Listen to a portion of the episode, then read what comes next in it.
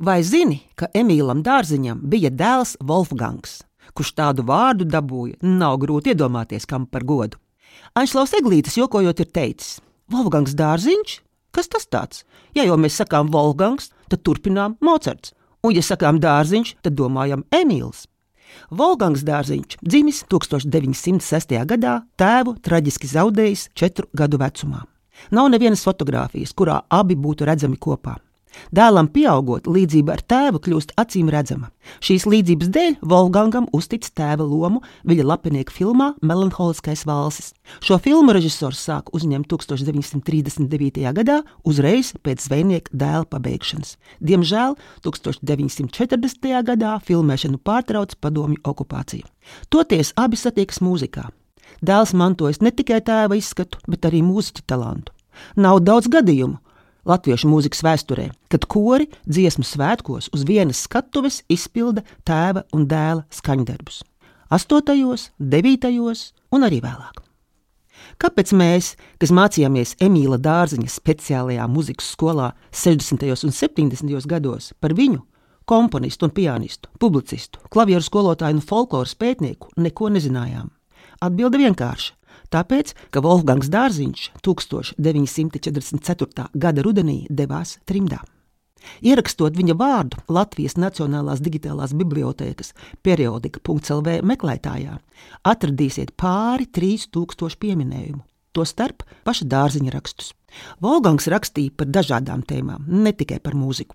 Viņam piemita lieliska humora izjūta. Piemēram, Feļetonu par Latvijas dzimteru, kas publicēts laikrakstā Latvijas ziņas 1947. gada janvārī, dārziņš iesāk šādi.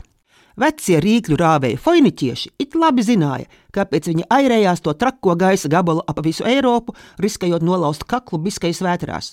Kaut kur smilšainā krastā mita ļaudis, kas mirdzināja zeltainu akmeni vai par savu draugu un vienaudzi viņa 40 gadu jubilejai veltītā rakstā Latviešu ziņās 1946. gada oktobrī. Ar Anšlo Vieglīti iepazinos trīs gadu vecumā. Toreiz viņš bija bērns, kas bērns, un vēl nezināja no galvas nec konverzācijas vārnīcu, nec bedekeru. Bedekers tas ir ceļotājiem un turistiem domāts ceļvedis. Savukārt savam skolotājam Jāzepam Vītolam veltītas šādas rindas. Tas ir ļauns liktenis, 84 gadu vecumā trimdā būt, un, diemžēl, mēs tur nekā nevaram līdzēt. Atliek tikai gribēt, stipri gribēt, kaut savā 85. dzimšanas dienā profesors varētu atkal elpot dzimtenes gaisu un vērot dzimtenes debesis brīvas dzimtenes gaisu un brīvās dzimtenes debesis. 1947. gads Latviešu ziņas Eslingenam. Dārziņš apreces 1939. gada Ziemassvētkos, un pēc bēgļu nometnēs pavadītajiem gadiem abi ar sievu, mākslinieci Annu Dārziņu, pārceļo uz Ameriku. Vispirms uz Spokenu, pēc tam uz Sietlu. Dārziņu pāris ir viens no retajiem trimdām, kas var nodrošināt dzīvi, darbojoties savās radošajās profesijās. Par dārziņa mūziku un tās atpakaļceļu uz Latviju var izlasīt jo daudzajos rakstos, jau pieminētajā periodika.lv.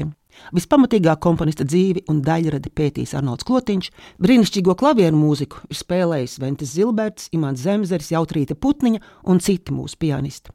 Mana iepazīšanās ar Wolfgangu dārziņu sākās pagājušā gadsimta beigās, atverot Kopenhāgenes latviešu tautas dziesmu 1956. gadā iznākušo 11. sējumu, kur viņam pamatīgs apcerējums - latviešu tautas melodiju veidi un īpatnības. Pāršķirstu, bet neiedziļinos. Pirms gadiem 20, kādas Ilģu Amerikas tūres laikā, viesojos bijušajā dārziņu ģimenes mājās Sietlā. Tur, starp citu, joprojām atrodas dārziņa spēlētās klavieres. Grāmatu plauktā atrodu Wolfganga dārziņa 200 latviešu tautas dziesmas, solo balsī un klavierēm, kuras izdevis Alfrēds Kalnājs Čikāgā. Esmu pārsteigta, jo lasot notis saprotu, vairums dziesmu ir nevis vispār zināmās, bet latviešu folkloras krātuvē, Emeļa Melngaļa materiālos atrastas melodijas, sajūtu prieku par muzikālās gaumes sakritību.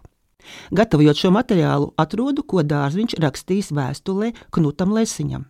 Viens gan man dara prieku. No visām 200, apmēram 190 pilnīgi jaunas, ko neviens vēl nepazīst. Tiesa, tekstus daļai dziesmu Volgangas, nu, gluži tāpat kā komponisti pirms un pēc viņa, ir mainījis pēc savas patikšanas. Nevienai melodijai no latgales nav latgaliski vārdi. Volgangs dārziņš arī aicinājis trimdniekus atsākt tautas melodiju vākšanu, rakstot, ka Diemžēl visi mani materiāli palika dzimtenē, un vienīgais, ko pagūvu paņemt līdzi, ir ap 500 folkloras krātuvē norakstītu melodiju, kuras atzinu par vērtīgām. Latviešu folkloras krātuves pētniece un fondu glabātāja Māra Vīksne stāsta, ka komponists 1944. gada vasarā nedēļām ilgi strādājis folkloras krātuvē. To apliecina precīzi ieraksti krātuves žurnālā. Mūžībā Volgangs Dārziņš tiek aizsaukts 1962. gada Jāņu dienas rītā, nepiedzīvojot pirmos ASV rietumkrasta latviešu dziesmu svētkus, kas Sietlā sākušies 22. jūnijā. Arī šajos svētkos skan tēva un dēla, Emīla un Volganga dārziņu dziesmas.